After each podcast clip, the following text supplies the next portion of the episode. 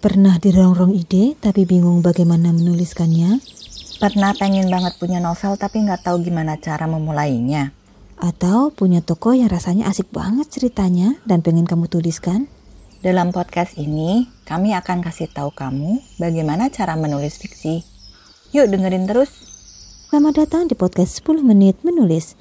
Saya Sirejo penulis novel cetak dan platform premium misalnya Deliverance dari penerbit MCL atau Obsessive Loves dari penerbit Gramedia Pustaka Utama. Juga platform Wattpad, Vizo, dan KBM. Dan saya, Dona Wijayanto.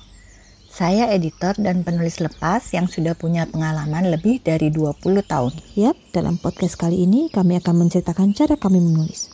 Banyak banget ya yang menanyakan bagaimana sih caranya menulis. Benar Mbak Shere, dari dulu, ini pertanyaan klasik yang selalu muncul, sama seperti pertanyaan tentang ide. Kalau dibilang sulit banget sih, ya enggak ya mbak.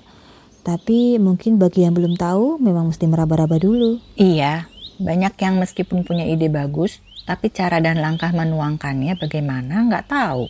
Sebenarnya pertama-tama dengan mencatat ide dulu ya. Jadi, banyak yang bilang penulis itu bawa-bawa notes ke mana-mana. Itu memang benar.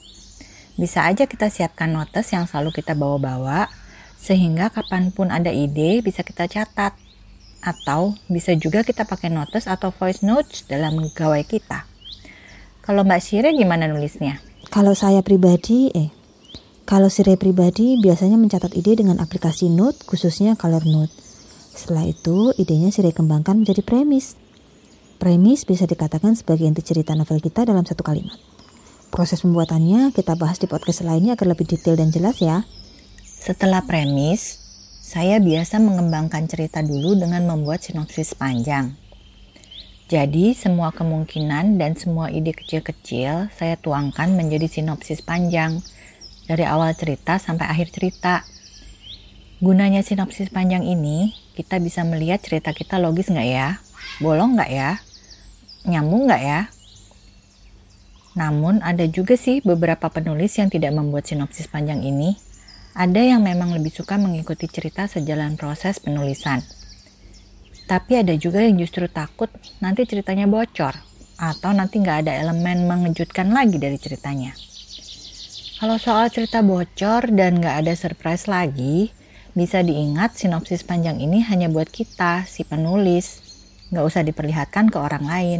Nah, setelah sinopsis panjang ini selesai, biasanya kita akan membuat kerangka tulisan.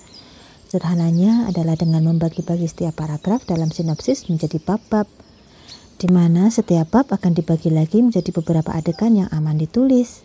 Sinopsis panjang dan kerangka ini membantu kita untuk melakukan riset juga loh.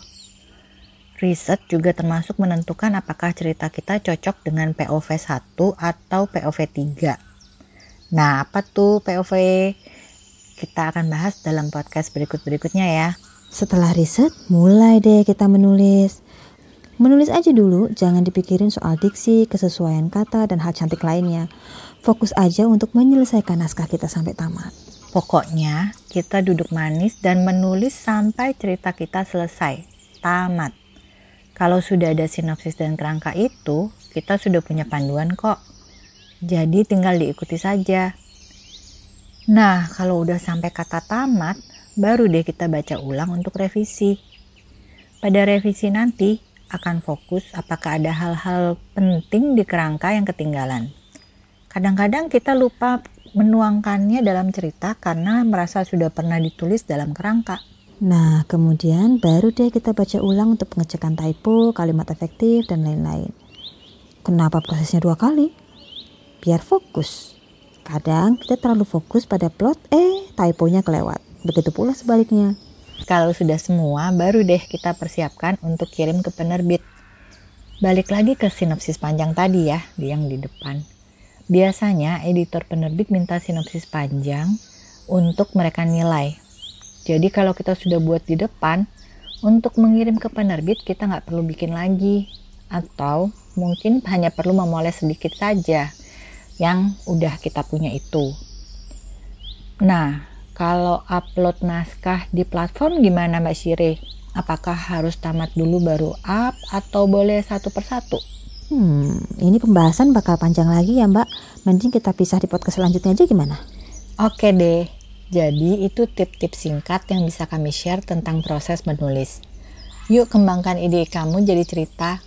Kalau butuh teman untuk ngobrolin ide-ide kamu, atau mentoring untuk mengembangkan ide-ide kamu, jangan ragu colek kami ya. DM aja di Instagram kami, at cdonawe dan at shireso. Sampai ketemu. Oke deh, sampai ketemu di podcast 10 menit menulis kami yang berikut.